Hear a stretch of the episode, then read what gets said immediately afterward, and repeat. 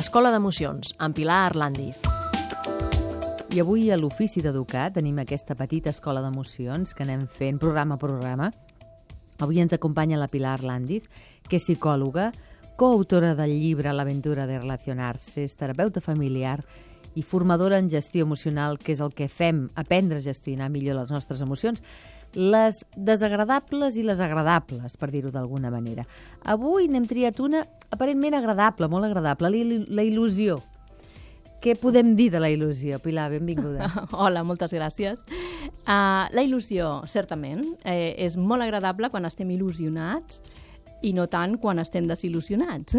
Però bé, de moment parlarem de la il·lusió, que és un motor a la vida, no? perquè jo crec que aquí, perdó, els nostres fills i filles ens ajuden molt a, perquè ells s'il·lusionen per moltíssimes coses quotidianes que nosaltres gairebé ni veiem, per dir-ho d'alguna manera.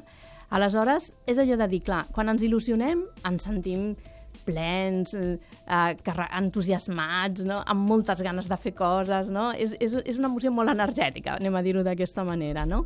I jo penso que la il·lusió, eh, entre d'altres moltes coses maques i positives que té, és el fet de que no només és que, que puguem tenir il·lusió, tornem, per un objecte material, no? sinó que a mi també m'agrada molt la visió de, de la il·lusió per, per preparar algú per un altre. Perquè a vegades és allò de, no? el que hem parlat en alguna altra ocasió, en algun altre programa, no? aquest agraïment, no? aquesta eh, poder donar a l'altre, no? I preparar amb il·lusió, doncs això, una festa d'aniversari sorpresa, no? Clar, es barregen tantes coses, allò de dir, pensar en l'altre, els preparatius, la, la paciència de fer-ho, el compartir amb la gent la idea, eh, el, el fet de dir, doncs mira, tu pots fer un dibuix, l'altre pot fer unes garlandes... Clar, a, aleshores és allò de dir, quan hi ha aquesta il·lusió, i perquè després arribarà el culmen, no?, que serà fer la festa, però tota la preparació és preciosa és, és, és molt motivadora en molts aspectes si els volem aprofitar, no? com per ensenyar i mostrar no? tot, tot això. Aleshores, clar, la il·lusió també té un component molt alt amb, amb imaginació. Evidentment, és allò de dir, quan tu, seguint aquest exemple de la festa, quan tu prepares, clar, la, la imaginació pot, pot jugar un paper molt predominant, perquè pots dir, la farem de, jo què sé, amb motius mariners o la farem de, de cotxes o de fades o vés a saber de què. És igual, no? L'important és que realment esmerces tot, una, tot un seguit d'allò que tens dins, no? de, perquè a l'altre li agradi, perquè tu, tu passis bé, perquè gaudeixis.